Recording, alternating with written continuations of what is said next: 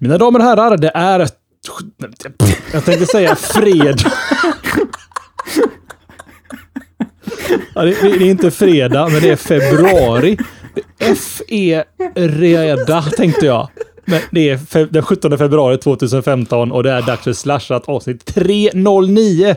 Tillika mitt sista Slashat på ett tag framöver. Mitt namn är Tommy. Jag heter Magnus. Och Johan.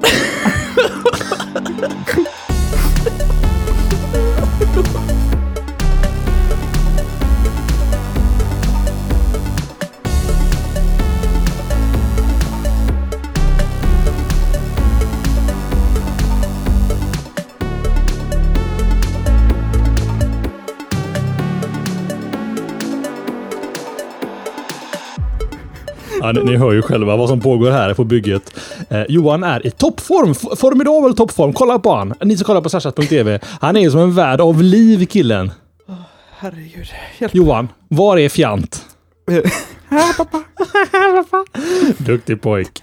Eh, och, och, sa vi alla namn? Det sa vi va? Ja, det gjorde vi. Vad skönt. Ja, jag, jag sa väldigt, väldigt snabbt. Mm. Det får jag göra. Jag har hört De att jag pratar väldigt snabbt i, i, i showen. Jämfört med Magnus som tydligen pratar långsammast. Det, om man är jävligt uttråkad kan man gå till tidigare slashat och lyssna på hur fort jag pratar i början och hur väl jag har försökt lära mig att artikulera alla bokstäver i ett ord och faktiskt prata lite lugnare.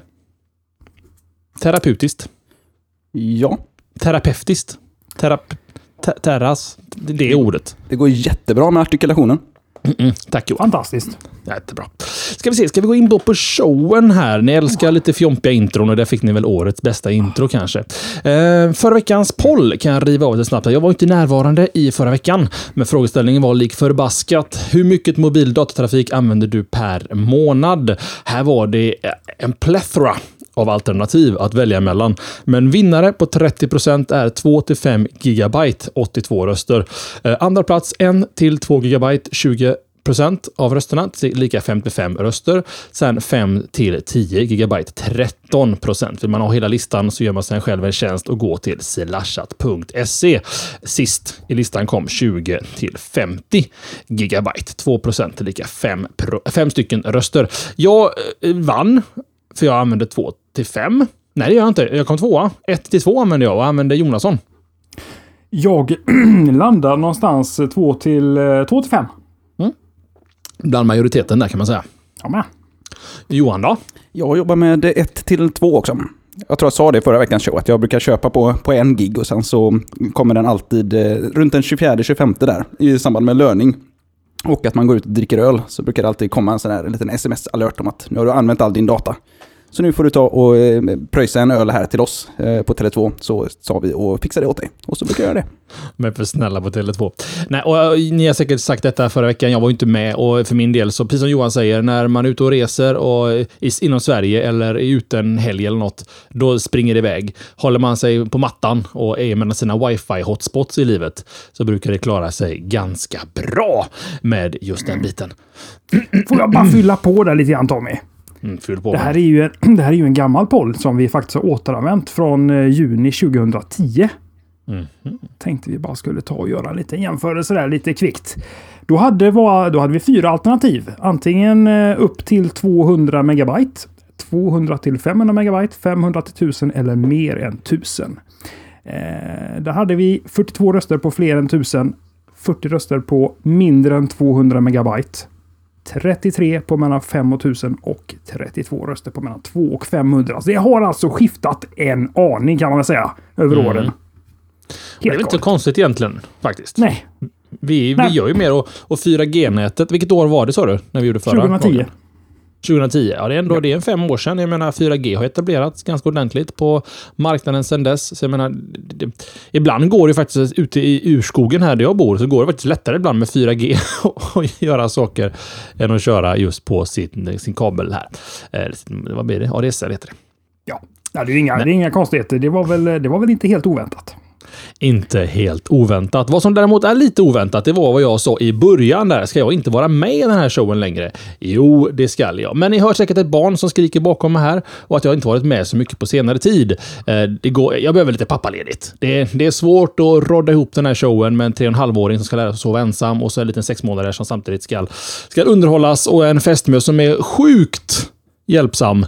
Men vi har svårt att få ihop det här. Så jag har pratat med grabbarna och de har godkänt pappaledighet.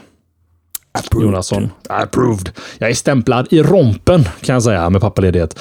Men, men målsättningen är väl fortfarande att jag dyker upp så ofta jag kan. Men, men kanske men, men kanske att man inte har eh, samma stress att jag måste. Utan när det passar så kan jag hänga med. Så att ni kommer inte slippa mig och Jonasson kommer hålla Android-flaggan väldigt högt. Vi gör vad vi kan. Jag ska ändå hö- höja tempot lite grann nu, eh, bara för att du inte är på plats. Det uppskattar jag. Det, det finns lite utrymme att fylla ut med andras ord, tänker jag nu. Kanske. Mm, mm, mm. Så där har ni det. Tyvärr inga juicy drama bakom det här beslutet, utan det är helt enkelt familjära beslut. Eh, ämnen ska ni få den här veckan också, i den här vackra februari som vi är i just nu. Ja. Eh, och jag tror att Johan, du är första man till rakning. Är det så? Shit. Varsågod. Herregud. Ja, för, Förberedd. jag är inte alls förberedd. Jag har försökt sitta här nu och fokusera på att inte skratta under tio och en halv minut. Men eh, nu ska jag sluta med det och istället prata lite grann om eh, Pinterest och Apple. Eh, för det är ju nämligen så att i App Storen så finns det ju i runda slängar runt en och en halv miljon appar. Och det blir svårare att hitta nya bra appar och det blir svårare att Eh, för den som bygger nya och bra appar att nå ut till roligt folk som kan gilla ens appar. Eh, Apple har försökt att bli duktiga på det här genom typ Editors Choice och på annat sätt att få folk att hitta lite nya appar och eh, betala för sig och, och sådär. Men de har väl inte lyckats helt bra, man kan liksom inte upptäcka allting. Så att nu har de tagit hjälp utifrån och för första gången någonsin så kan man faktiskt installera en app från en tredjeparts-app i iOS. Eh, och det är då Pinterest. Så att nu så kan man, vad heter det, heter det pinna? Jag, jag är dålig på Pinterest-lingon. Men det heter pinna va? Man pinnar Ja, ja. En, en app. Ja, verbet är att man pinnar någonting på en board. Pinboard-principen liksom. Okej, då, pi- då pinnar jag på min appboard en app som jag gillar, eller som jag vill testa, eller som jag bara tycker är lite ball. Och sen så kan alla andra som följer mitt board gå in där och titta på de här och eh, direkt trycka på en installera-knapp som har dykt upp i Pinterest. Eh, för alla de här applänkarna då, dyker bara upp på iPhone och iPad. Versionerna utav appen och inte webbversionen då, av förklarliga skäl. Eh, Så att trycker man på den så dyker det upp en liten overlay som säger att nu kan du installera appen och man ser den genom eh, det vanliga App Store-gränssnittet men man hoppar liksom inte till App Store-appen, det är ingen direkt länk utan du fortsätter att vara i, i Pinterest-appen. Eh, riktigt bra idé. Jag gillar att Apple börjar bli lite öppnare med den här sortens eh, samarbeten. För de, de är ganska duktiga på det, men det, det är alltid roligt att se att man kan utnyttja hur folk delar med sig av sådana här saker på andra sätt, på lite organiskt sätt, eh, som inte behöver gå genom App Store. Så att jag tycker det är coolt att de öppnar för den här typen av eh, eh, möjlighet. Mm. Och jag, jag, jag är bifall där, för det, detta är ju inte ett App Store-problem. Detta är ju egentligen ett, även ett Google Play-problem. Och det är ju det att det är sjukt svårt för dig, oavsett hur bra app du gör, att hitta upp i topplistorna. Eh, Word of mouth funkar egentligen bara om du har en ganska bred grundplattform att stå på för marknadsföring. Um, jag, jag använder han Marco, heter han va? Som gjorde Overcast. Mm. Han gjorde väl också Tumblr och en annan app innan dess. Ja. Och då hade han ju skapat sig motsvarande ett följe. Och när han släppte Overcast så hade han en plattform att marknadsföra denna på. Och skapa liksom nedladdningar och diskussion runt omkring den och allting. För, eh, och sen är du en helt nystartande apputvecklare idag som inte har någon egentligen tidigare plattform att stå på så är det svårt att ta sig in på topplistan och faktiskt göra en bra app, hur bra appen egentligen är. Och Jag tror att det inser Apple också och även Google i mångt och mycket. Och Det här är en jättebra lösning kan jag tycka. För att jag menar, de flesta amerikaner i princip använder ju Pinterest. Och att, att få in det här apptänket och rekommendationer egentligen från en tredje part inne hos Apple, det låter spännande tycker jag. Jag tänker att också att det är en del av strategin det här att Apple vill bli ett eh, modebrand.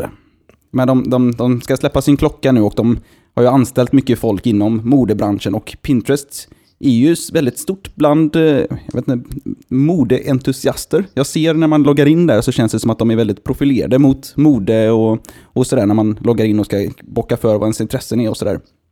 Mm. Så det kan ju också vara ett steg i det, att man vill synas i den typen utav eh, media som andra modebrands eh, finns.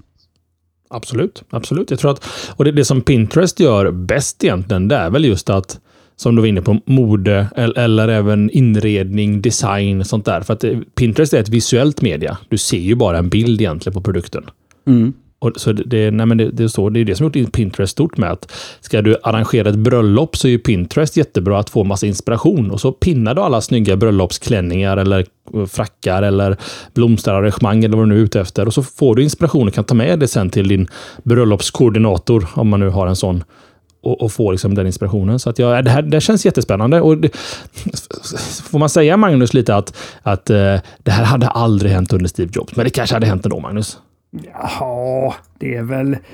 Det känns som att fastän Apple har förändrats ganska mycket de senaste åren, eh, upplever jag. Mm. Mycket öppnare på, på många sätt. Och eh, det är klart att det hade säkert kommit förr eller senare, men säkert senare än, än nu.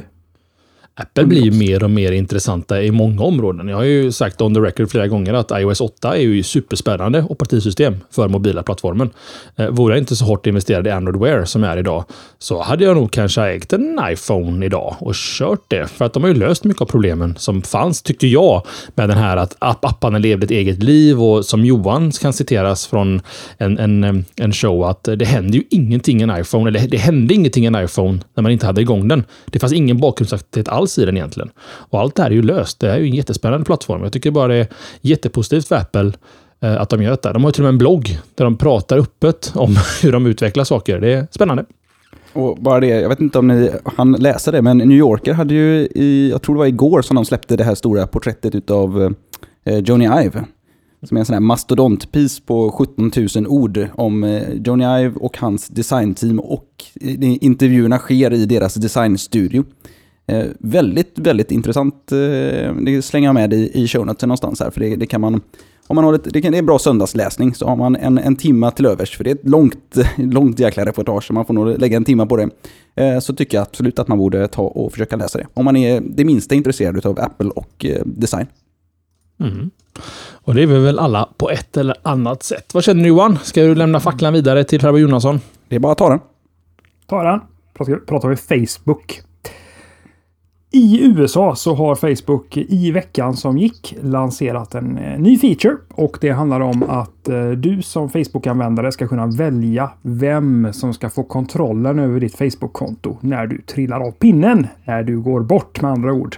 Eh, funktionen har de valt att kalla för Legacy Contact och går från och med häromdagen nu då för USA-medborgare att välja under säkerhetsinställningar antingen i appen eller via via webbsidan.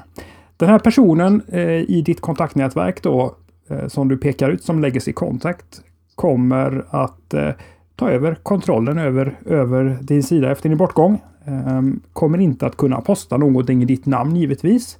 Kommer inte att kunna ändra din eh, profilbild. Kommer inte att kunna se privata meddelanden. Men kommer liksom att kunna eh, hantera den här minnesrunan eh, av dig då. Ehm, Legacy-kontakten kan även ladda ner eh, alla dina eh, bilder, dina inlägg och annan information eh, som är lite vagt, vagt beskriven, men annan information som, som Facebook skriver. Och det här är helt nytt. Då. tidigare så, så hade Facebook bara funktionen att, att de kunde frysa ett konto alternativt ta bort den, ta bort kontot helt och hållet. Eh, och just funktionen att kunna ta bort kontot, det kan du också välja om, eh, om det är som så att, eh, att du hellre vill att kontot ska försvinna efter din, efter din bortgång. Eh, ingen tidsplan på hur detta kommer att eh, rulla ut över övriga, övriga länder, men eh, det kommer komma, säger Facebook. Men USA först ut med Legacy Contact. Tommy, Mm -hmm. Du hänger inte sådär supermycket på Facebook, men eh, några tankar kring detta? Nej, alltså... Eh, nej. Nej, det skulle jag inte säga. Alltså, i det det, det här fallet så är mitt Google-konto mycket viktigare med alla foton som var i Picasa tidigare som nu ligger i Google plus Photos. Eh, det är ju någonting som Helena och mina barn ska få, till, få tillgång till eh, också på ett sätt. Nu delar jag ju egentligen allting med dem, men det hade nog känts skönt om man hade någon, någon trustee eller någon vad heter det, legacy contact som sen kunde gå in och dumpa ut allting från Google som är relevant för min familj och behålla. Um, Ja, men jag, jag jag gillar ändå att, eller Facebook måste väl egentligen tänka de här banorna lite för att har man eh, på ett en miljard eh, aktiva användare, eller vad de nu har, så jag menar, folk trillar ju av pin hela tiden.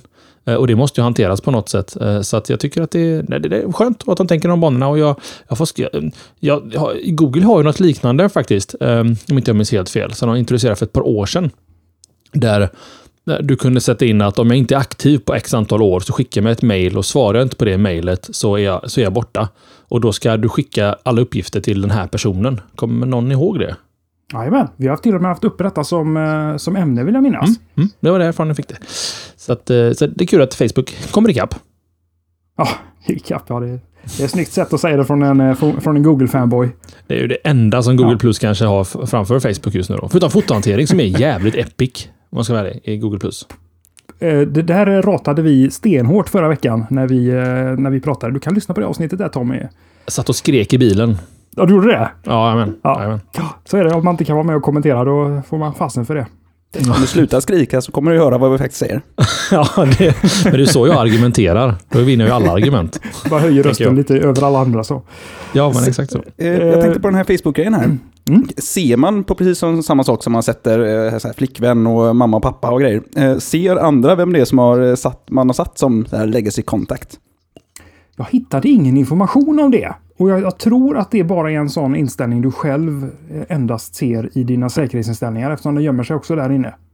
Okej, för jag Men det- tänker på något sätt så det, har ju detta blivit, eller blir ju detta då en liten digital variant av det här, inte, det här bästa, bästa vännen man ska ha som så här ska rusa hem. När man trillar upp in så ska den personen bara rusa hem till ens lägenhet och så ta bort allt som, som liksom är lite questionable i, i lägenheten. Jag tänker att det här blir den digitala varianten utav det.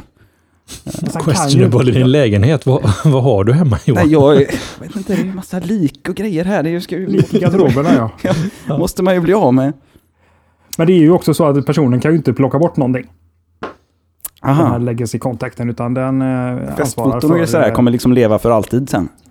Ja, det blir ju som en minnesruna och den, eh, det är klart att, alltså, som jag nämnde där, kan inte, kan inte ändra några profilbilder, kan inte se privata meddelanden, kan inte posta någonting. Men eh, jag uppfattar också att man inte kan ta bort någonting, utan det som är postat är postat.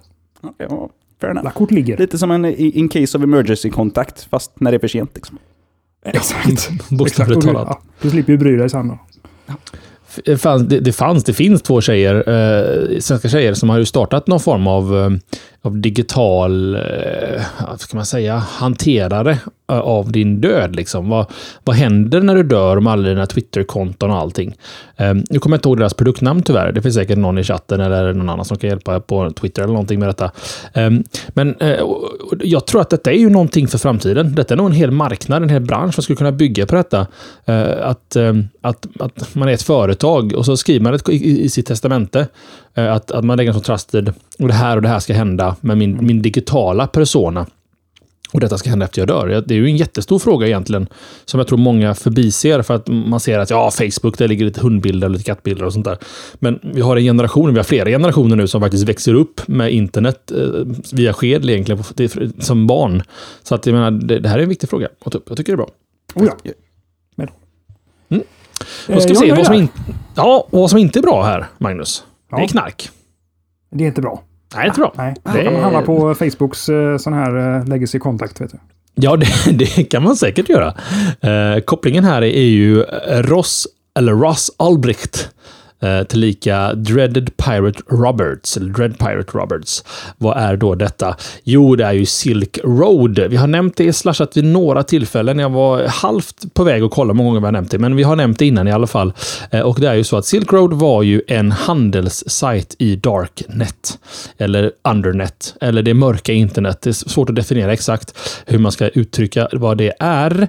Eh, och där sajten, den sajten då sålde droger, stulen information, du kunde Eh, beställa hitmans eller lönnmördare som skulle mörda någon eh, för en viss summa och sådär. Och all betalning skedde, skedde, skedde ju via bitcoin och liknande. Eh, ni som inte har koll på vad Darknet, Darknet, Undernet eller det mörka internet är, så är det helt enkelt ett, ett alternativt internet som lever i Tor, the Onion Router. Så det betyder helt enkelt då att du är jag ville egentligen säga helt anonym när du är i Tor, men FBI lyckades ju klippa han Ross Albrecht, eller The Dreaded Pirate Roberts, som ansvarig då för hela Silk Roads. Eh, tydligen så, eh, alltså Tor, det här blir väldigt tekniskt, men jag tror det är ganska kul för våra lyssnare att höra på.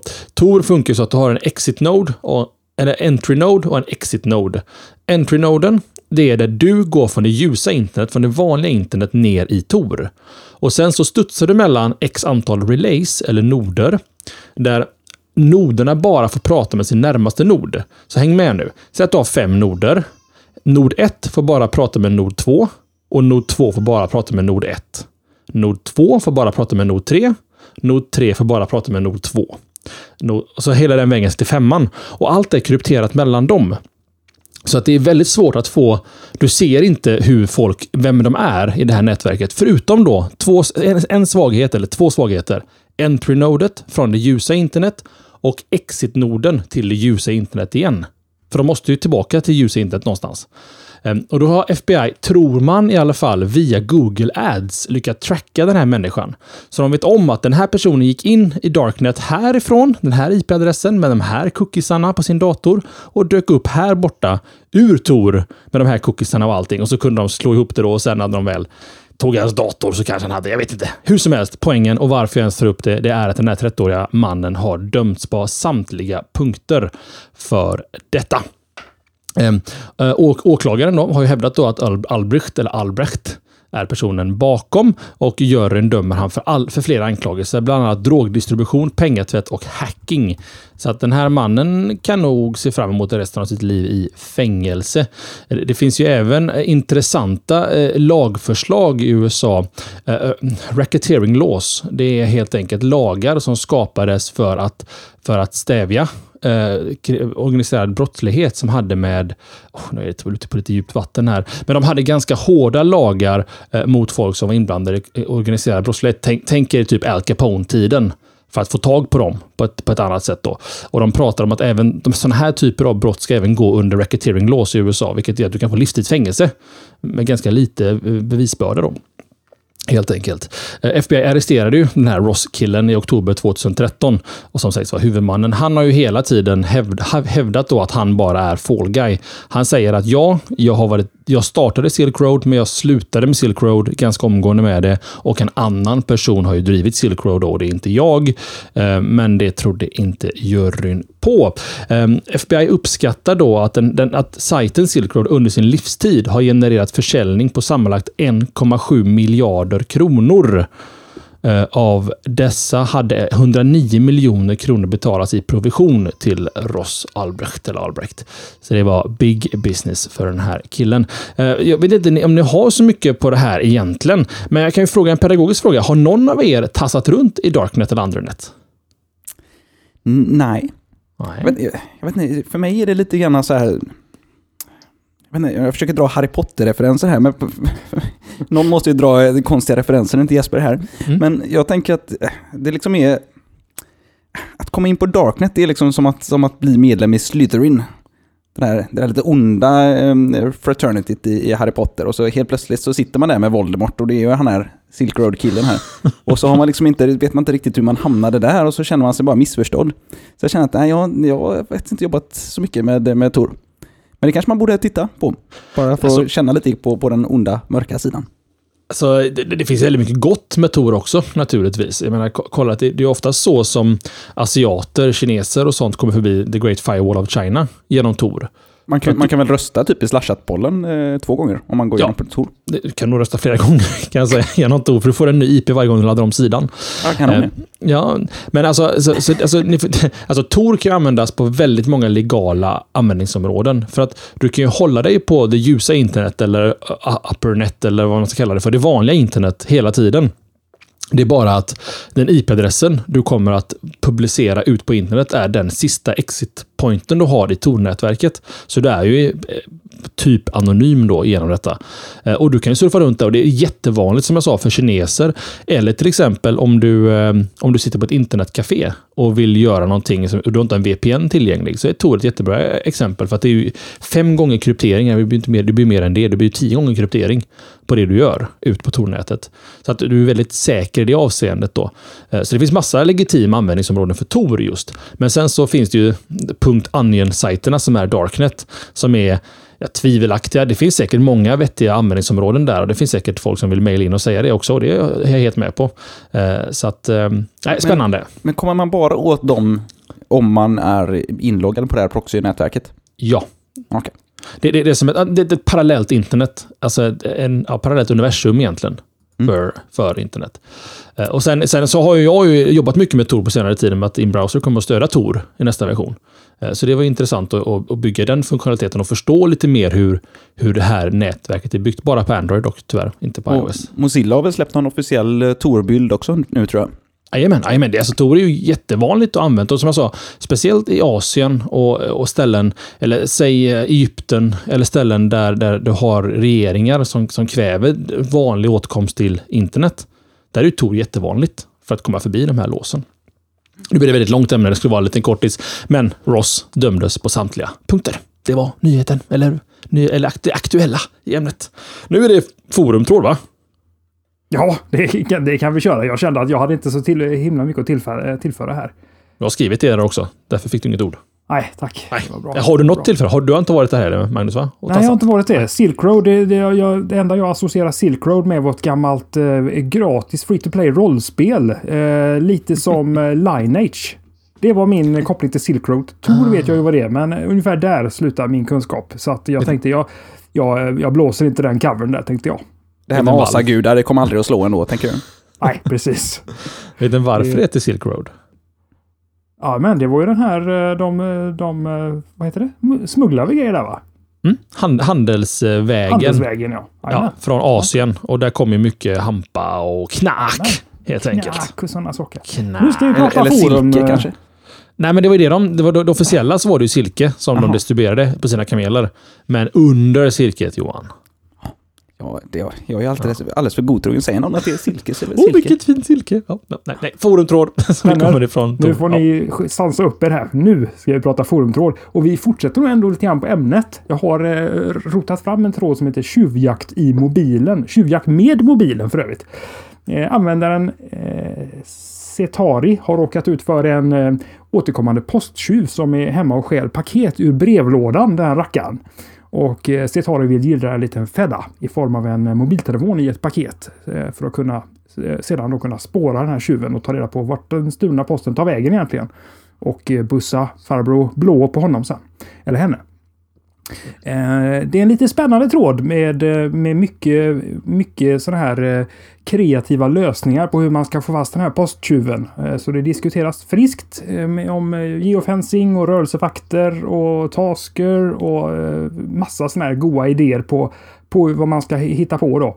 Eh, så in i veckans forumtråd tjuvjakt med mobilen i kategorin mobilt och eh, följ med då på den här rafflande resan som ska ta oss fram till eh, en mycket spännande upplösning i, i det här fallet. Det är lite grann som, vad hette den på TV3? Med han Hasaro. Efterlyst? Efterlyst. Lite den känslan är det. Fast ja, det... I, i textform kan man säga. Himla mysigt. Så att det är inte mycket att prata om, men, men så är det i alla fall. Vad heter, den, vad heter den på TV4 då, där med Jalle och Heavy? Ja, på rymmen. På rymmen? Det var grejer det. Det är Timell. Nu känner jag mig gammal igen. Men, nej, så gammalt är det är väl 90, sent 90-tal, tidigt 2000-tal va? Du kan inte ja, känna dig gammal. När jag känner igen, när jag drar en parallell till ett tv-program så kan ju inte du känna dig gammal. Du, hade det som, du hade det som barnprogram tror jag. Jajamän. Johan, om jag säger 24 karat, vad säger du då? Det har jag sett på. Det är och söndagsöppet vet du. Ja, fy fan. Alltså fredagsmys har nog aldrig blivit fredagsmys igen efter Höra Treutiger slutade på tv. Tror jag. Det var ju ändå en, eh, en hyvens kille. Mysig kille den. Ja. Alltså det var, jag, jag minns, ja, skitsamma, fel, fel fokus här. Eh, alltså det här måste ju ändå, ändå vara årets forumtråd. Ja, det är en bra forumtråd. Det är en bra ja. forumtråd. Och, det här har jag säkert tipsats om, men skaffa dig en webbhallen-låda och slå in en mobiltelefon, ha igång den, lägg den i brevlådan och låt den skicka hela tiden vart den är någonstans. Mm. Och så köper Det är det. lite det som många utav idéerna går ut på där. Ja, misstänker Ja. detta. Gud vad spännande! Det här kommer ju Ja. bookmarkas och RSSas och feedas och gud vet allt. Så är det. Nu är det jul igen. Ja, eh, jag tror att jag tar vid här och så tar jag oss vidare in på nästa ämne direkt. Paj. Raspberry Pi. Mm. Eh, Tommy, du har, ju, eh, du har ju sålt in detta till mig lite grann med Raspberry Pi. Och, eh, jag Ska jag få inte- skit nu?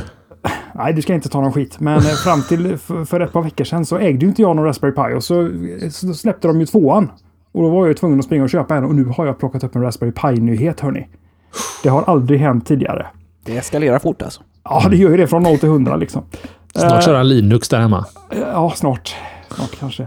Eh, Raspberry Pi, det är den här lilla enkortsdatorn eh, som eh, du plockar upp i, i, eh, hos valfri handlare för eh, under 400 spänn inklusive moms. Den eh, har funnits ute sedan eh, 2012 ungefär. Och eh, har blivit något av ett eh, fenomen. Den har ju ett, ett, ett lågt pris då som sagt och eh, den är eh, det är mycket bang for the buck för den som inte är rädd för att prova sig fram eh, med den här lilla, lilla kretsen. Den är stor som ett kreditkort och du kan hitta på mycket kul med den. Tommy har pratat mycket gott om den. Eh, nu eh, idag faktiskt så meddelade eh, Raspberry Pi Foundation att eh, man hade sålt fler än 5 miljoner Raspberry Pis. Och eh, det är ganska intressant därför att eh, eh hela den här Foundation startades 2006 av ett eh, gäng lärare vid Cambridge som upplevde att eh, elevernas kunskaper i datorvetenskap, de, det dalade. De, blev, de fick sämre och sämre resultat. Och då ville de ju försöka stävja detta och eh, uppmuntra sina elever att, att ta till sig ny kunskap. Och då tänkte de ah, vi ska, vi ska fila på en liten, en liten billig dator för utbildningssyfte. Och eh, två år senare, 2008, så hade man en första prototyp klar. Den eh, gick ut i produktion tre år senare och eh, releasen skedde då 2012. Och det var den första Raspberry Pi. Den modellen som, första modellen som släpptes för breda marknaden hette, kallas för modell B. Den har sålt i ungefär 3 miljoner exemplar. Eh, Man hade räknat med att sälja ungefär 1000 enheter. Så att, eh, att det blev en, en, eh, en, en, ja, en succé utan dess like är ju att ta i underkant. Man följde upp den här modell B med en som kallas för B+. Såldes i en och en halv miljon exemplar. Den släpptes i juli förra året. Och hade bara mer ram va? Det var väl... Väl det enda. var det ingen annan port på den också? Det kanske inte var. Nej, jag tror en extra USB-port eh, har jag för mig. Alltså var jag tror, tror det bara var mer... Ja, skitsamma. Det- Den var lite bifad. Lite bifall var den. Lite stöddigare så. Eh, Man hade också, eh, eller man har också en, en liten low-end version om man nu kan säga det om en dator som kostar 35 dollar ungefär. Som man kallar för modell A och A+. Och de har man sålt ungefär 150 000 exemplar av. Och det var väl något, något tidigt exemplar. Jag har aldrig sett dem eller hört om dem tidigare. Och sen då för två veckor sedan så lanserade man egentligen utan några omsvep eller några större eh, utsvävningar en Raspberry Pi 2 som är ytterligare en uppifad version. Eh, och den har de här senaste två veckorna sålt i 500 000 exemplar. Och det här då totalt gör att man är uppe i över 5 miljoner exemplar om jag har räknat rätt. Och det är dagens lilla eh, solskenssaga ifrån den här lilla Foundation som hade räknat med att, att göra tusen enheter till eh, sina elever. Det har blivit en, en framgångssaga utan dess like. Tommy, Mhm. vi har pratat mycket om Raspberry Pi så jag tänkte inte släppa in dig på detta. Mhm. Men Johan, Mm. jag har inte hört, eh, jag har inte hört så mycket om, eh, av dig om vad du gör med din Raspberry Pi. Nej, jag, när du köpte en i förra veckan så kände jag att ja, men då kan inte jag vara sämre. Eh, Men jag gick inte och köpte en för det, utan jag grävde fram min, min, eh, min gamla B+, som jag hade liggandes i en låda. Eh, Och den försökte installera någon slags NAS-variant på, för att ni har snackat så mycket om att man ska ha NAS, NAS är coolt. Så jag kände att men det vill jag också testa, jag vill också vara cool. Men jag tröttnade. Var inte cool. Jag insåg att jag, vad ska jag med NAS till? Eh, Så att jag, den, eh, den har, jag har, minneskortet sitter kvar i datorn med eh, NAS-grejen, imagen på. Så att det är väl bara att sätta in den och, och testa om man kan komma igång med det. Så att det är väl det som jag, eh, som, eh, som jag, jag ska använda min sådan till. Jag måste dra lite kabel och sådär för att kunna ställa undan i så fall eh, den här Raspberry Pi med någon USB-disk på något eh, lämpligt ställe så att den inte stör. Men, men det är jag lite sugen på att fixa. Jag är också lite sugen på att, att se en split på de här siffrorna. Det har varit kul att se hur, hur splitten är mellan hur många som använder den i utbildningssyfte som har köpt den, den här 5 miljonen, eller och hur många då som använder den bara i så här hobbysyfte att ha den hemma. För det känns som att anledningen till att den blev så stor är ju för att ja, den är billig och man... eh, Den, alla, alla hobbyister har liksom råd att slänga de här 300 kronorna på och slänga. Och, och det är så himla... Det är ändå så himla smidigt att komma igång med. Man behöver inte vara jätteinsatt för att, för att komma igång med den här. Eh, Så det har ju gjort mycket, tänker jag, till spridningen. Eh, Så det är kul att se hur många det är som faktiskt har sålts till eh, utbildningsinstitutioner. Men det har du kanske inga siffror, på, Magnus? Jag letar här just nu och jag hittar inga sådana siffror i, i mina show notes eller i den artikel jag kommer länka till. Eh, hittar jag någonting så slänger jag in det i show notesen. Men Mm, ingenting just nu. Kanon. Tommy, Mhm. jag vet att du gillar att prata paj. jag gillar paj. Ja. Eh, nej, alltså det, den jag vill egentligen flika in där. Du kanske också sa det i förbifarten. Men detta är alltså en foundation, så de är ju ideella helt och hållet. Alltså Raspberry Foundation tjänar inga pengar på att sälja Raspberry Pis, utan det är plus minus noll hela vägen in i mål här, vilket gör det ännu mera, kan jag tycka, hedersvärt det de pysslar med. För att eh, en långsiktig plan är ju att, att som du sa Magnus, utbilda folk mer i datateknik, men också faktiskt att sakta hitta in eh, i kanske tredje världen på ett annat sätt. För att jag menar, en, en Raspberry Pi modell eh, B, nej förlåt mig, jo B, B var det nu va? Den nya. Eh, Den heter 2B egentligen. 2B. Ja. Den är ju onekligen, det är ju en kraftfull liten pryl. Du kommer få med Windows 10, som vi har nämnt, på den här enheten. Så du kan alltså köra en hel Windows 10-maskin eh, på en liten kredit, kretskort eller liten kreditkortsdator. Det är imponerande, tycker jag. Ja, ja alltså det är, det är en eh, superhäftig liten maskin. Jag, jag förstår inte att jag inte har köpt den förrän, förrän nu. Eh, nu har jag ju fått installerat eh, Plex på den och eh, funkar ju awesome bra som, som Plex-spelare rakt mot, eh, rakt mot nasen. Inga problem. Så att det här är ju eh, världens keeper. Alltså, det roliga är att den har en GPU som kan avkoda 1080p strömmat från NASen. Eh, Så att den behöver inte ens transkoda den här rackaren, utan den klarar av att eh, avkoda rakt av från källan, eller direct play som det heter i plexvärlden. Eh, Det är imponerande. Och sen också att det är, den är strömsnål. Och du hade väl en Mac Mini innan va? Ja, stämmer. Den här har ju Ja. faktiskt, jag hade ju Mac Mini som egentligen bara funkade som en, Plex Media, eh, inte server utan player bara. Och eh, jag kan ersätta den eh, maskinen för, för 6000 spänn, en ganska dyr Plex-spelare kan man ju tänka sig, eh, med en, eh, en liten Raspberry Pi 2. Och den gör exakt samma jobb riktigt, riktigt snyggt. Framtiden lever vi i. Jonasson bjöd ju på en och annan siffra där. Jag tänkte jag ta vid när ni ändå har sifferöronen ganska väl vässade just nu. Det är analysföretaget Canalys som har kommit ut med lite siffror runt om Android Wear-enheter och försäljning, eller leveranser under 2014.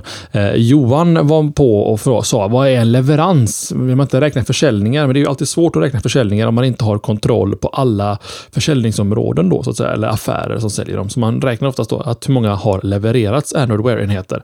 Och det är väl förhållandevis blyga siffror skulle man vilja säga. Den här analysen eh, skvallrar om att det har levererats drygt 720 000 Android Wear-enheter under förra året, alltså fram då till 31 december får man utgå ifrån. Eh, plattformen är fortfarande ung, den kom ju faktiskt i mitten av 2014 eh, och man kan väl ärligt säga att de första två enheterna som släpptes på Google I.O.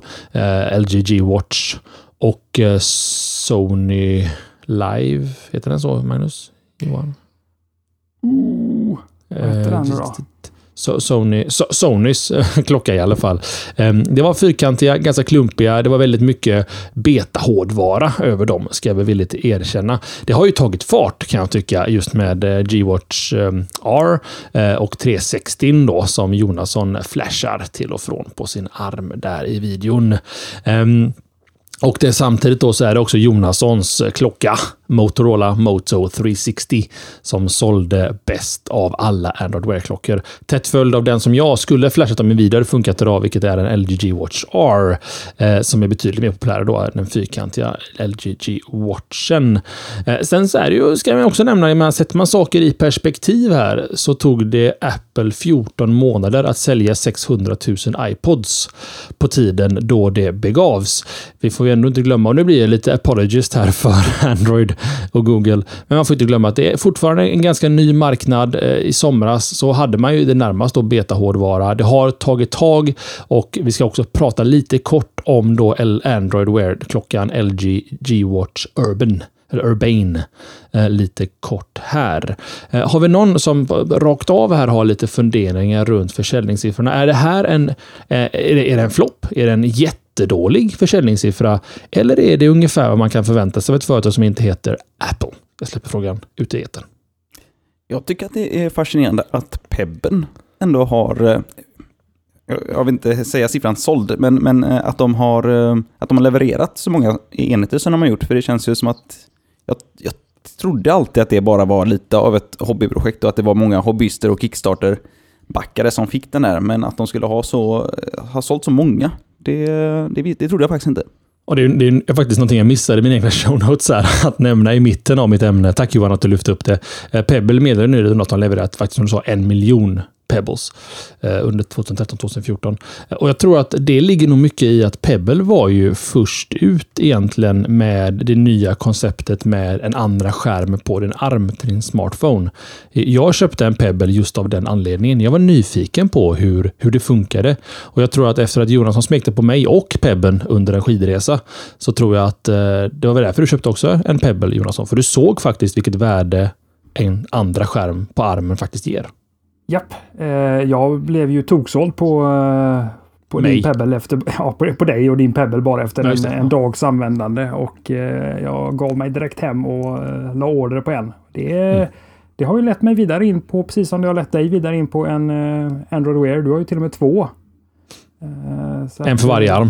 En för varje arm, det är ditt, dit vi alla ska vandra. Nej men alltså, jag, jag är förvånad över, över de här siffrorna. Jag hade förväntat mig att det skulle ha levererats långt över miljonen Android Wear-enheter sedan, eh, sedan den släpptes i, i mitten på förra året. Um, så det, det var jag lite besviken på. Eller besviken, jag, jag förväntade mig mer. Men som sagt, den är en ung plattform. Den, eh, den har väl börjat att komma till sin rätt nu i, i version 5 ordentligt. Eh, och de börjar komma ur de här barnsjukdomarna och det är, det är fortfarande det är fortfarande mest de här eh, första alltså det, första hårdvaruversionen eh, är ju, eh, är ju till ända nu och nu börjar ju uppföljarna att komma. Så nu börjar det bli intressant. Du, du fingrar ju på mitt nästa här i ämnet och det är ju G-Watch Urbane. Eller Urban. Urbane måste det vara. Uh, ni får se bilder på i show notesen uh, eller ta er till närmaste Google sökruta eller Bing eller hur ni nu lever ert liv. Uh, det, alltså, det, den, det, den attraherar fortfarande inte mig. Jag är en sån här G-Shock-kille. Jag tycker om när klockorna är lite klumpiga och lite sportiga. Men jag kan tänka mig att det, det kittlade din fancy där Jonasson när du såg G-Watch Urbane bilderna. Jag gillar den. Jag gillar den stenhårt. Jag, alltså den, den, är, den är en, eh, det är en så proper design. Eh, påminner väl lite grann om en, om en sportigare, eh, robustare version av Motor 360. Kanske är, ja, alltså den är rund. Den är, har ett, ett boett i, i stål och eh, armband i skinn och bara där är jag såld. Den är ganska stöddig, stor, tjock. Eh, min, min fästmö är ju sugen på en Android Wear. Hon är väldigt investerad i Android, mycket tack vare mig. Eh, och hon har sagt att ah, hon vill ha funktionaliteten med Android Wear, för hon var väldigt inne på Pebble. Eh, men hon vill inte ha de klockorna som finns på marknaden idag. Och så visade jag henne Urbane och hon sa, när får jag vilken? var väl egentligen hennes, hennes slutsats där. Hon, hon gillar de där klockorna. De ser bra ut. Eh, och det gör de. Johan, du, är lite, du, du blir ju lite iWatch eller Apple Watch-killen här. Med tanke mm. på ditt val av operativsystem eller mobilplattform. Um, vad tycker du om utseendet på Urban? Bara utifrån, om du skulle kunna köra den, liksom, spelar ingen roll, men utseendet. jag tycker det är väldigt, väldigt, väldigt svårt när man ser de här renderingarna av den och även de här det känns som foton, men jag tror att de, de är renderade också och pastade på på något sätt. De här fotona som man ser utav väl, eh, väl kostymiserade eh, Eh, män och eh, fagra kvinnor som eh, har den här klockan på sig.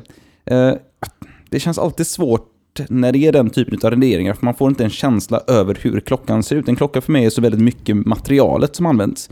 På samma sätt som jag tycker att surfar man in på Apples hemsida och kollar på Apple Watchen eh, och alla de här bilderna mot vit bakgrund så tycker jag att den ser riktigt dassig ut.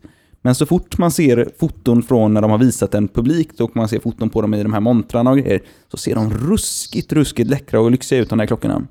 Eh, så att, jag vet inte, den, den, ser trevlig ut och den tilltalar mig mer än de tidigare. Men jag tycker nog fortfarande att Moto 360, om det inte hade varit för den här lilla 45-graders eh, eller 30-graders bumpen som den har, så tycker jag att 360 nog eh, är, är bättre. Ja, det är du Jonasson nu du har bett om ordet. Ja, alltså det bara slog mig. Eh, de här nya klockorna som kommer, eh, till exempel då eh, Urbane och eh, G-Watch R Moto 360. De är ju... De känns ju riktade till den manliga publiken allihopa. Det är, det är stora robusta enheter. Även om de, även om de visas upp på, eh, på kvinnor i, i annonsen så känns de ändå utformade för män. Eh, tycker jag. Den enda egentligen som, som ser ut att kunna, att kunna passa eh, kvinnor egentligen. Det är, väl, det är väl Apple som har lyckats bättre med det upplever jag. De har, liksom inte, de har tänkt på ja. formspråket på ett annat vis. Ja, Apples klocka tycker jag, den, den känns väldigt unisex med... Jag skulle nästan säga att den är lite, mer, lite av en feminin touch på den. Eh, men inte tror jag så att det är på bekostnad av att män kommer köpa den. Jag tror bara att den, den, den ligger i gränslandet och balanserar väldigt, väldigt bra där. Vilket jag också tänker kan bli ett problem. För jag menar klockor, alltså i, folk som bär klockor är ju väldigt man är väldigt petig med vad man har för klocka på sig och klockan ska utstråla den person, personen som man är. Eller många som, som jag känner som, som äger klockor och har klockor på sig tycker att det, det är ju en smyckesattiralj som många andra smyckesattiraljer. Och då vill man ju gärna att den ska symbolisera vem, vem man är för någon. Och då tänker jag faktiskt att Apple kan ha ett problem där om de nu bara tänkt släppa en modell av den här klockan. Eh, så att det, det, det återstår att se lite grann om det eh, om det kommer löna sig för de här företagen att ha flera olika typer av modeller. En sportigare klocka, en eh, manlig klocka, en lite mer kvinnlig klocka kanske och, och sådär. Det ska bli intressant att se vad som, vad som händer. För det känns väl som smart, smartwatchens år det här 2015. Ja, det är intressant att du säger det Johan, för att det, det, är precis den känslan jag har just runt Apple Watch. Att jag tror att eh, mobiltelefoner, det spelar inte så stor roll egentligen hur iPhonen ser ut eller hur Android-enheterna ser ut. Det är inte det du går på. Ah, jag tycker, där vill jag avbryta dig med en gång. Varsågod. Jag tror att en, en av anledningarna till att iPhonen slog så stort inom alla åldersgrupper och eh, med en väldigt jämn könsfördelning eh, efter att de första nördarna kanske hade köpt, eh, eh köpt iPhonen är för att den har en, också en väldigt unisex design jämfört med exempelvis eh, det som kom samtidigt då, typ Droid hela Droid-grejen i USA. Som var väldigt, väldigt riktad till en manlig publik där. Det var en eh, liten raket som kom ner med en, eh, med en Android-telefon som öppnades. Och det var Michael Bay-musik och explosioner och eh, fagra lättklädda kvinnor igen och sådär. Så att, ja, jag, jag tror att det har en har varit en väldigt medveten strategi från Apples sida att inte göra någonting som enbart ska tilltala män eller kvinnor för den delen, utan ska vara väldigt unisex, väldesignade och inte ha så mycket attityd i sig själva, utan vara en elegant pryl. Det, det, det, har du helt rätt i. Eh, poängen jag skulle komma till var att, men däremot så tror jag att klockorna är ännu viktigare när det gäller just accessoaren i det hela. Jag tror inte funktionen i klockan är den huvudsakliga anledningen till att du köper en klocka. Utan det är just att den ska reflektera, precis som du sa Johan, vem du är och och hur du vill uppfattas av andra. Jag menar, jag skulle aldrig bära en guld Rolex-klocka. Men jag kan förstå de människorna som vill, som vill visa att de har den finansiella bärigheten att äga en sån klocka. Eller vad det nu kan vara för intresse man har av klockan. Och där tror jag att Apple kan ha ett litet problem genom att bara vara den enda hårdvarutillverkaren. Vi ser ju då att vi har ju Samsung, LG, Så Sony är det ja.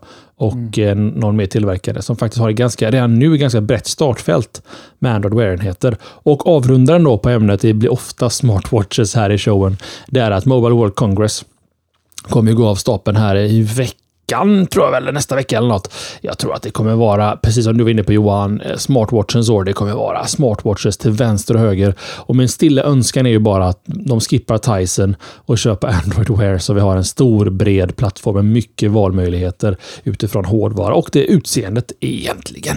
Det får avrunda ett väldigt långt ämne. Sk- eller? Får jag, får jag lägga till en snabbis där också? Okej, Ja, varsågod. Jag känner, jag känner att man ändå vill komma in här. För jag tycker det är in, intressant, om man säger, det, kändes väldigt mycket på LGs pressrelease här, om man säger. Den är också riktad till en väldigt teknisk publik. Så här, man går till och med igenom spesarna för klockan på deras, eh, i deras blogg där, som, som LG, där de eh, presenterar den här klockan. Eh, och alla de här klocktillverkarna och eh, mobiltelefontillverkarna ser, ser ju fram emot eh, Mobile World Congress, såklart. Med, med rätta, för att det kommer bli en, eh, en rolig grej för alla oss nördar. Men om man ser på de ställena där Apple Watchen eh, har, har visats upp då, som är mode, eh, en, en modemässa var det väl i Paris som den, eh, som den visades upp på för första gången, förutom den eh, versionen som visades upp i, eh, i höstas där på Apple Campuset. Eh, och den har synts i, i Vogue exempelvis, på eh, kinesiska Vogue tror jag det var. Så ska vi, det ska bli intressant att se, för jag, det här att Apple försöker bli ett modeföretag, jag tror, jag tror inte man ska underskatta det, men jag tror heller inte man ska överskatta det. Det ska bli intressant att se hur de tacklar det. De har anställt mycket rätt folk kring det, så att det ska bli kul att se hur det står sig gentemot de här eh, traditionella teknikföretagen som, som tradi- traditionellt sett också har jobbat mycket med spesar och försöka sälja eh, prylar till ett billigare pris och sådär. Det ska bli intressant att se hur de kommer tävla med varandra när det kommer till just klockor, i och med att det är så mycket av en eh, i gränslandet mellan en modepryl och en eh, teknikpryl. Nu är jag klar. App- Apple kommer sälja skiten ur smartwatches. Det är inget snack om det. Så är det. Alltså det här kommer vara kanske deras största produkt efter iPhonen. iPaden har ju börjat tappa av lite i intresset. Jag tror att det kommer bli... Förlåt? Jag tror ju inte det. Jag, jag, alltså jag, jag tror det. Alltså det. Det finns ett skimmer runt Apple och deras produkter som är... Det är så jävla svårt att, att förstå det. Hur, hur, hur starkt varumärke Apple har idag. De kan, de kan släppa en låda med, med skit i. Alltså bokstavligt talat avföring. Och, och ändå kunna sälja den. För, för, för att, just bara för att, för att det är Apple. Kan- det, det, det är fantastiskt. Jag lovar att det, om- i framtiden så kommer man studera Apple och egentligen försöka förstå vad gjorde de som var så sjukt rätt med allting. För att deras produkter är kanske inte alltid de bästa, kan jag tycka. Men varumärket är stenhårt. Nej, vi, vi, kan hålla på hur länge som helst Johan, känner jag. Ja, det här var, det här var nu, jag vill bara fortsätta på den, men vi Ja. får, jag får släppa det nu, så får jag ta det sen när du är tillbaka från pappaledigheten någon dag, så kommer jag bara... Ta mig när du vill Johan. Så tar du den. inte för lång tystnad. Sitt inte och fundera på detta nu, utan bara kör. Ja, jag kör på det. Ja, det, för det är ju mitt ämne. Just det, det står här i shownotesen. Det kommer i ordning här. Eh, För det är nämligen så att jag vill prata mer LG och, och Samsung och kanske veckans, eller i alla fall årets hittills, eh, barnsligaste ämne, eller barnsligaste beteende.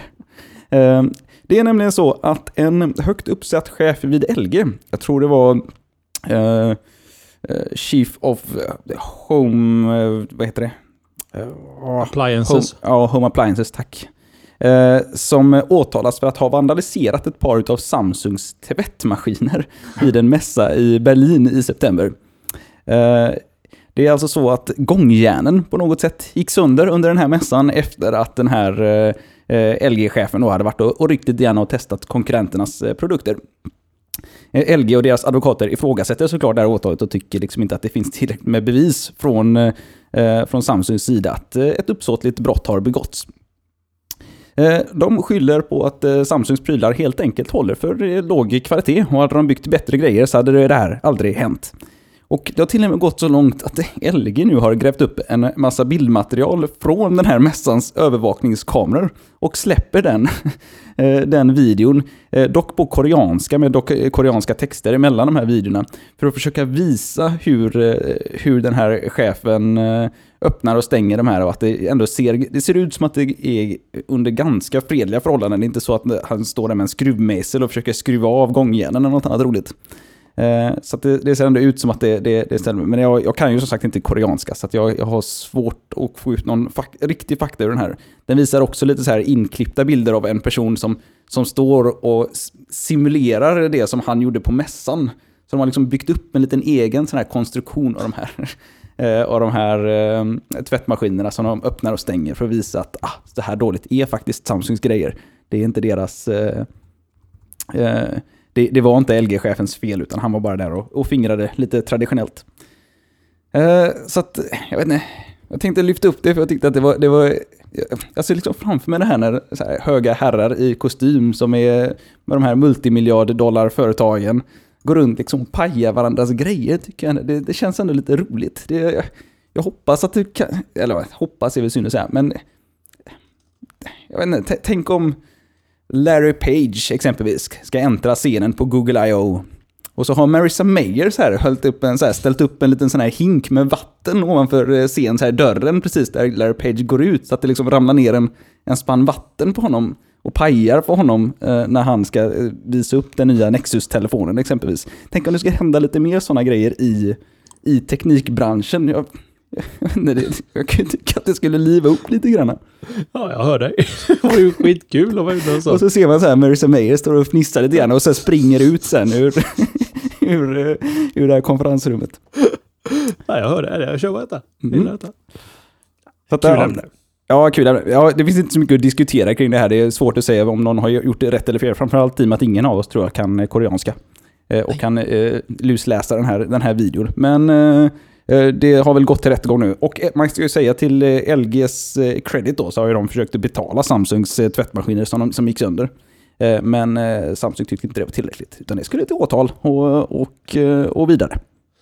Eh, sen är det faktiskt så att eh, om jag har förstått allting rätt och nu, utifrån några få videoklipp då, så är det ganska vanligt i asiatiska nyheter, japanska, kinesiska och sånt där, att man faktiskt återagerar nyheter hur det hände med dåliga 3D-animationer och liknande för att illustrera för tittarna hur det gick till. Ja, men Så det att- brukar man ju se på lite YouTube-klipp och sådär ju. Mm. Ja, men på riktigt, alltså på riktigt då i nyhetssändningar att det är så man återger då hur det här gick till enligt vittnesuppgifter. Eh, och det kan ofta se väldigt, väldigt roligt ut. Det var väl, Fabian, det var inte något känt, eh, något fall eller någonting där det, det hittade ut även i väst, västerlig media en sån grej. Han. Jo, var det något flygplan eller någonting inblandat? Ja, det kan ha varit något sånt och även eh, stora nyhetssajter då i västvärlden sänder det här materialet. Och det, ofta så är det ju väldigt snabbt ihopkastat med någon form av enkel 3D-renderare som ska illustrera vad som hänt. Ni kan ju underhålla er själva ikväll genom att gå in på YouTube och hitta detta. Japp. Nu tycker jag att Jonasson ska prata någonting som jag har gjort nästan hela helgen. Det är helt sjukt detta. Har du det? Vad bra, då kan du få hjälpa mig igenom detta sen. Kan hålla Eh, handen. Ja, håller vi handen. Dota 2. Det är ju eh, ett omåttligt populärt spel och eh, finns på Steam. Och i helgen så, så nådde Dota 2 en, en milstolpe, eller egentligen Steam nådde en milstolpe med Dota 2, nämligen att ha en miljon samtidiga spelare påloggade på, som spelade just Dota 2 då. Eh, nu kan man ju tycka att ja, en miljon samtidiga spelare i ett spel, det är väl inte så himla mycket. Nej, det är det inte. Därför att eh, ska man jämföra eh, till exempel med, med League of Legends så, så når de över 7,5 miljon inloggade spelare samtidigt. Och det är enligt en, en två år gammal mätning. Men, men för Steam så är detta, detta väldigt stort. Det är en, en milstolpe för dem. Eh, nummer två på den här listan hos Steam är Counter-Strike. Eh, Global Offensive och de har mätt upp 420 000 samtidiga gamers. Trea ligger Team Fortress 2 med eh, lite mer blygsamma 88 000 samtidiga inloggade spelare. Eh, men som sagt, Dota 2 nådde en miljon i, i helgen som gick. Och er, för, ni som, för er som lyssnar återkommande på, på Slashat så vet ni också att vi har rapporterat om eh, en annan milstolpe som, som, eh, som Steam slog den 1 januari. Nämligen att de hade drygt 8,5 miljoner samtidiga användare över hela sin plattform. Över alla spelen då. Eh, och vad kan vi egentligen... Det är inte så mycket diskussionsämne detta, men det går bra för Steam. Och eh, vi, har, vi har diskuterat mycket kring eh, hur vi handlar spel. i den här showen. Jag är av, eller har varit av den uppfattningen att jag vill ha fysisk spelmedia. Jag vill köpa den här förpackningen, bära hem, ställa i hyllan och förmodligen aldrig öppna igen. Därför att jag installerar saker och ting och så får man en kod som kan ladda ner allting via nätet ändå. Men jag känner det att fast jag börjar svänga. Jag eh, köper mer och mer på Steam. Jag eh, köper nästan aldrig några, några spel i butik. Eh, möjligtvis till, till konsol men inte till eh, PC eller Mac. Jag vet inte hur det är med dig där Tommy. Du, eh, du är väl en Steam-kille av rang? Um, alltså eller har jag, varit va? Jag har varit, ja. Jag spelar ju egentligen bara på Xbox One idag. Och då är jag eh, stark förespråkare för digitala kopior. Jag, Eh, så, så, tills den dagen de löser problemet med att jag måste resa mig upp och hämta en plastbit och stoppa i enheten för att kunna byta spel. Och det är inte svårt egentligen. Jag skulle kunna gå till en fysisk butik och köpa ett fysiskt spel, gå hem, installera och sen outa det spelet till mig och mitt Xbox Live-konto. Och slippa ta, stoppa i den här jävla skivan. Eh, det, det, känns som en teknik som man borde ha tagit bort för länge sedan och det har man gjort i mångt och mycket. Jag, jag köper ju bara spel digitalt. Jag laddar ner dem och sen så har jag en digital kopia av dem. Eh, och det har jag pratat om, om tidigare i showen. Jag tror även att, jag tror mot Johan, du har väl en, en teori om att du ska kunna ta fram din Playstation 4 om 20 år och stoppa i vad ni nu spelar. Ja, och vad besviken jag kommer bli. den kommer ju försöka ladda hem patchar och, och grejer. Det kommer aldrig funka. Och alla spel är ju buggiga, buggiga i dem när de släpps. Så det kommer liksom inte riktigt... kommer aldrig bli bra i vilket fall som helst tror jag. Men du är lite grann som, du är lite grann som mig där Johan. Eller ja, vi har samma utgångspunkt. Att vi vill, ha, vi vill ha det fysiska mediet och kunna liksom veta att när Steam väl stänger portarna imorgon eller om fem år så har vi ändå den här filen på den här skivan som vi kan stoppa in och fortsätta lira. Ja, alltså, jag har sagt det här tidigare, så det här är väl lite upprepning, men, men på datorfronten så har inte jag varit så kinkig. Där har jag varit väldigt digital. Jag har jobbat väldigt mycket med Steam och har ett väldigt eh, gediget eh, Steam-bibliotek. Eh, men det är också för att jag, jag vet inte, jag har blivit bränd av datorer så, så många gånger att jag tänker liksom aldrig, jag kan liksom inte sätta in min Outcast-skiva från, från 98 och förvänta mig att jag ska spela det för att Windows 98 existerar inte längre. Och det funkar bara på Windows 98 och Windows ME.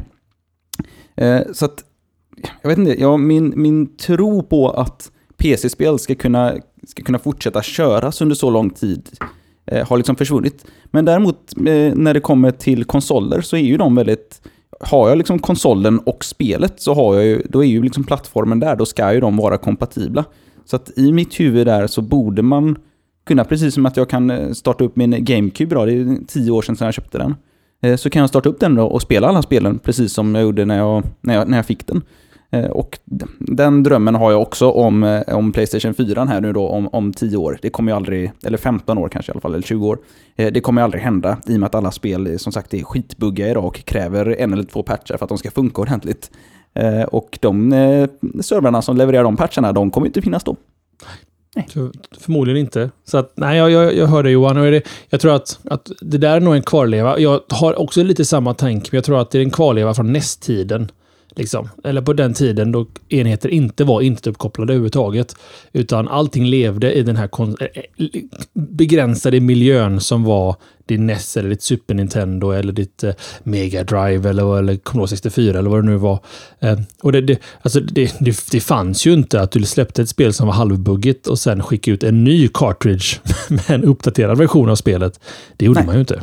Det är bara nu som man, som man har, har råd att göra det för att det är så eh, lättillgängligt att patcha spel. Vilket är bra såklart, men eh, det, är det det Johan? På gott och ont det där. Ja, på gott och ont är det. Men, ja. och, och det, det, det, för hoarders som mig så är det inte så bra.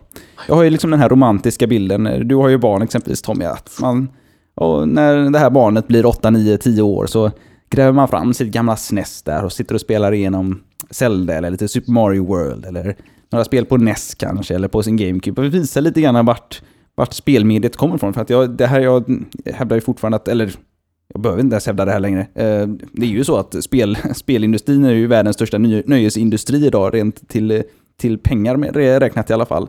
Eh, och eh, alla spelar ju i stort sett spel, så att det faktum att man vill, kommer, kommer vilja utbilda sina barn i kring vart, vart rötterna kommer ifrån, det känns ju bara naturligt. Så att då vill man ju ha kvar de här grejerna. Fast där tror jag att marknaden själv kommer att styra upp det. För att emulatorscenen, den lagliga emulatorscenen. Jag menar, jag köpte Nintendo Wii för att man kunde spela Super Nintendo-spel på Nintendo Wii. Fast bara de spelen som Nintendo väljer att sälja. Ja, ja, ja. Men jag menar på att i framtiden, om tio år, så kommer konsolerna vara så pass kraftfulla att det kommer inte vara några problem för dem att emulera både Playstation 1, 2, 3, 4 eller Xbox, eh, Xbox eller Xbox 360. Sånt där tar jäkligt lång tid. Alltså, för det var ju bara för något år sedan eller någonting som det kom en SNES-emulator som faktiskt kunde emulera SNESen. Alla andra har ju... Man, man kan ju alltid fejka en emulation genom att man tar, tar genvägar.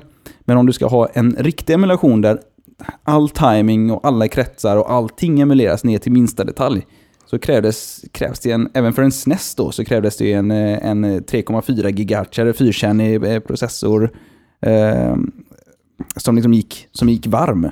Så att det, det, det är mycket jobb med att fixa en sån här emulator och det kommer bara bli jobbigare med tanke på eh, de chippen som sitter i, kanske, inte, ba, inte i dagens processorer nu, de som sitter i PS4 och Xboxen i och med att det är eh, X86-processorer. Men i eh, andra processorer, PowerPC-processorer och, och, annat, så kommer det ju krävas väldigt, väldigt mycket jobb för att, fram, att vi ska kunna ha en framtida riktigt bra emulatorscen i alla fall. Absolut. Och, men ja, köp en Raspberry Pi 2 så kan du köra SNES utan problem på den. De flesta um, spel. De flesta spel. Ja, men det är väl de, de här Xfox, de här, vad heter de? Uh, ja, Starfox. De, de, som, de, de, som utnyttjar och har sådana här eh, extra... För SNES, ja, nu ska jag inte gå in på det här, men SNESen var ju fantastisk med tanke på att den, man kunde...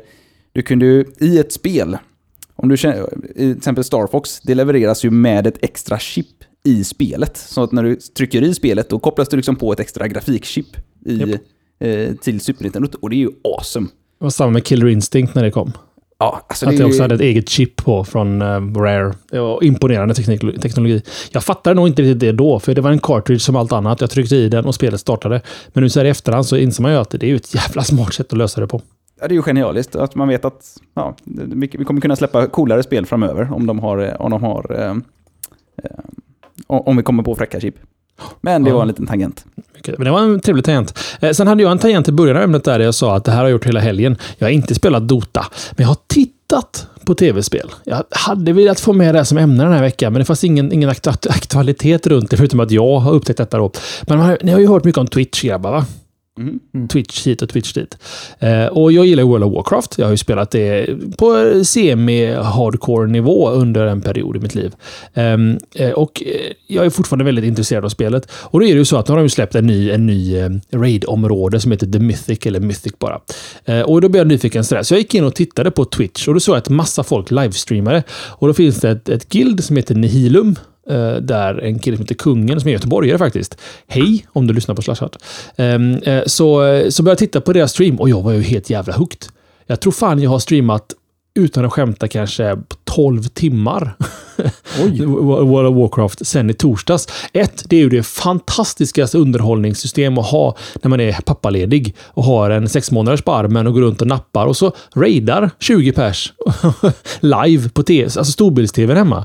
Ehm, det är ju skitkul. Och framförallt också att jag har lite förkunskap om hur, hur, mekaniken funkar i spelet och sånt där. Ehm, och det, det, jag har kommit på mig själv att, att välja att åh, nu har jag en liten stund i sängen här. Jag slänger nog på Twitch en stund på min tablet och tittar på lite World of Warcraft när andra spelar. Så jag förstår till 110 procent varför eh, jag vet inte, Amazon köpte Twitch. Det här är, det är en fantastisk underhållningsform. Och det var som min kollega sa på jobbet. Det är, liksom, det, det är som att uppleva spelet utan ansvaret. Du kan pausa när du vill, du kan gå och kissa, du är inte med och spelar, men ändå får du mycket av den den grupp och gemenskapskänslan du har när du raidar med 20 andra människor i en raid och du tillsammans försöker uppnå ett mål. Eh, jag, jag ville bara få med detta som, som egen liten rant eller en liten, egen liten krönika här över min vecka. Men jag har ju skapat mig ett Twitch-konto och jag kommer nog streama mycket Twitch eh, framöver faktiskt. Mm. Ingen annan som har kollat Twitch någon gång? Eller kollat livespel? Ja, inte, inte så mycket på det som faktiskt sänds där. Men däremot så har ju, slänger ju typ Jesper iväg när han körde GTA 5 och jag inte ägde GTA 5 längre exempelvis. Så slängde han ju upp någon kväll sådär att ja, men jag sitter och spelar, kolla när jag spelar. I och med att det är så, så smidigt på, på de här nya konsolerna att bara dra igång en Twitch-stream.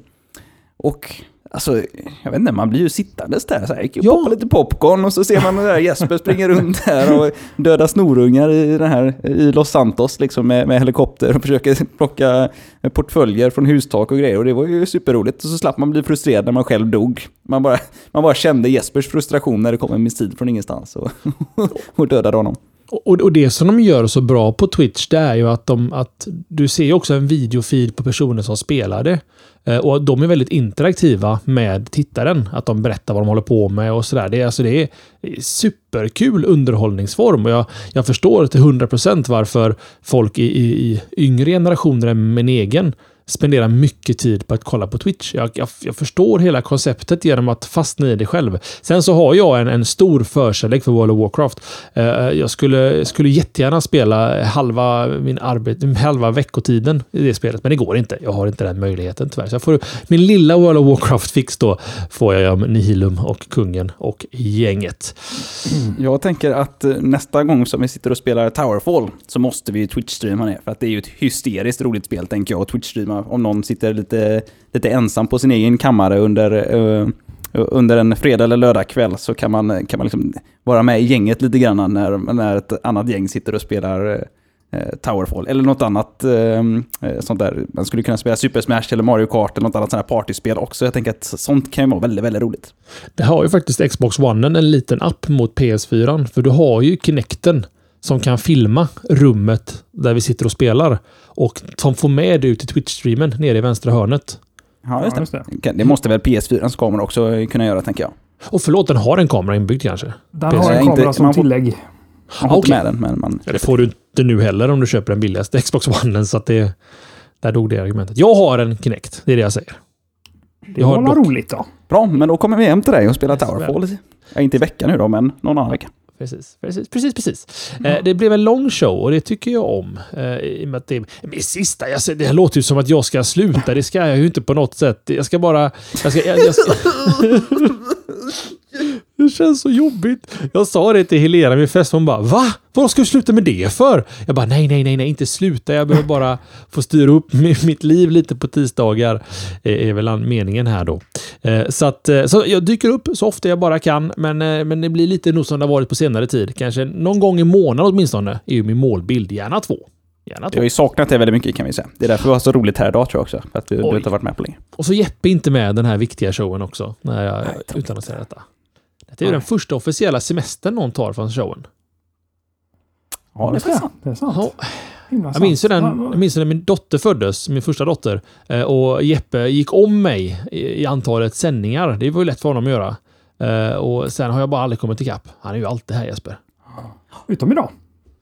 Utom idag. Utom Fan, idag. vi slutade lite på en downnote kände jag här. Det var inte så kul. Nej, men alltså som, igen. Det är kärlek hela vägen till banken. Ja. Ja. Ja, hela, ja, ja. Ja. Du, eh, forumtråd. Eller forumtråd. Pratar jag för snö? Podd. Mm. Veckans podd. Ja, det kan jag göra. Det tangerar ju... eh, Veckans podd tangerar ditt ämne Tommy. Du var inte här ens när vi valde den eh, i, under försnacket, men eh, jag drar Varför den. var jag inte det?